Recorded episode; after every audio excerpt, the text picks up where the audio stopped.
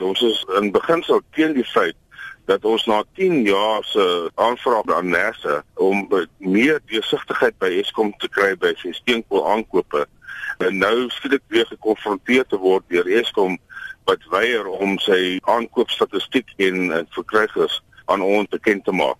Nou Eskom sê hy wil nie vir ons sê van wie hy sy steenkool koop nie en teen watter prys en teen watter volume nie. En ons vind dit heeltemal onaanvaarbaar Want dis uit die aard van die saak waar die bedrog in die verlede grootendeels plaasgevind het.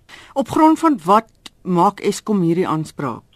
Was ook nie duidelik in die verhoor wat hulle presiese bespoling nie want hulle het geskommel van kant tot kant soos uh, die prekers van Eskom gepraat het. Maar hulle is geskrewe aansoek om hierdie aankoopstate geheim te hou. Het Eskom aangevoer dat sy stelsels nie in staat is om uh, daardie inligting aan hulle te gee nie en dat dit nie in hulle belang is om hierdie inligting die publiek bekend te maak. En en ek stem saam met hulle. Dit is nie in hulle belang om vir ons te verduidelik hoeveel daar gesteel word. En dit is juist die, die punt wat onaanvaarbaar is. So wat gaan julle nou doen? dit lyk dit my het Nerse ook uh, aangedui dat uh, hulle ook nie tevrede is met hierdie aansoek wat Eskom nou ter tafel gelê het nie en dat hulle binne die volgende 2 weke uitsluitsel sal gee oor uh, hulle besluit na Vrydag se verhore en hulle het ook aan Eskom aangedui en ek dink dis baie korrek aangedui dat indien hulle nie gehoor gee aan hierdie aansoek om die aankope geheim te hou nie Eskom se aansoek om prysverhoging wat al klaar te tafel gelees by Salga en die munisipaliteit forums dan ongeldig verklaar gaan moet word. Einde dat daardie aansoek vir prysverhoging van om by 20% voorberei is op die beginsel dat Eskom sy goed geheim kan hou. So dit nie geheim kan hou nie, sou hulle van voor af weer met hulle prysaansoek begin.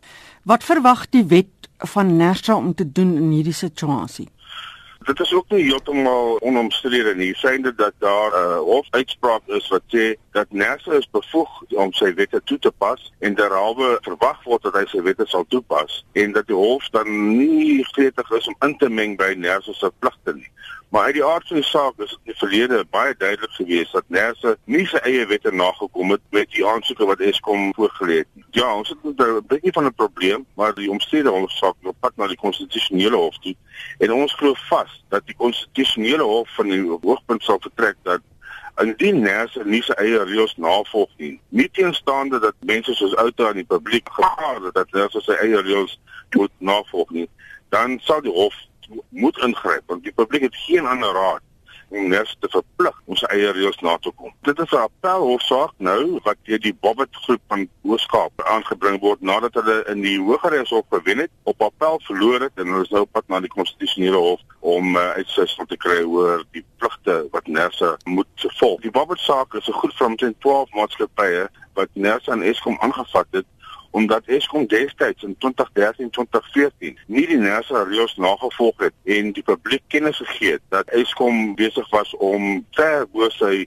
begroting uh, koste aan te gaan nie en dit is daardie groot koste dis nog omtrent 27% addisionele agterskotkoste wat Eskom wil verhaal van die publiek. Wat laat jou van die Gupta se betrokkeheid by die steenkool aankope van Eskom? As Eskom nou toegelaat word om hierdie geheimhouding uh, mee te gaan, dan sit ons met 'n probleem dat ek en jy nie weet wat se kolle en wie se kolle en teen watter prys hulle hierdie kolle verbrand nie. En uit die aard van die saak is daar drie die Gupta steenkool kontrakte wat te sprake is en al drie se pryse is meer as dubbel die gemiddelde markprys van steenkool. So as Eskom besluit hy nie vir ons in kennis hoef te stel van wie se kool hy gaan brand, kan hy heel geruslik Gupta kool teen dubbel die prys verbrand en dan oor 'n jaar se tyd kom hy terug na ons en sê, "O, oh, magtig. Ons is nou weer kort van geld want ons het nou hierdie dierkool gebrand, maar ons het nie vir julle in kennis gestel daarvan nie." En dit is ons heeltemal onaanvaarbaar. Wat uh, laat jou dink Nersa gaan nie hierdie aansoek toestaan nie?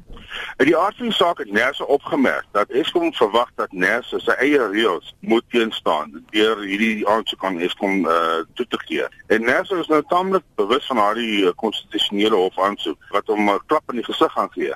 So ek dink uh, die nuwe bestuur by Nersa is 'n bietjie meer uh, versigtig oor uh, hierdie tipe van dinge. En Eskom nou die afgelope 10 jaar vir Nersa mislei het. En vir 10 jaar het hy aangevoer hoe hy kosteverhogings nodig gehad het van oor die 500%. En in die tussentyd vind ons uit al hierdie verhogings word gesteel deur die Guptas en dis net nog 'n plat op hulle reputasie.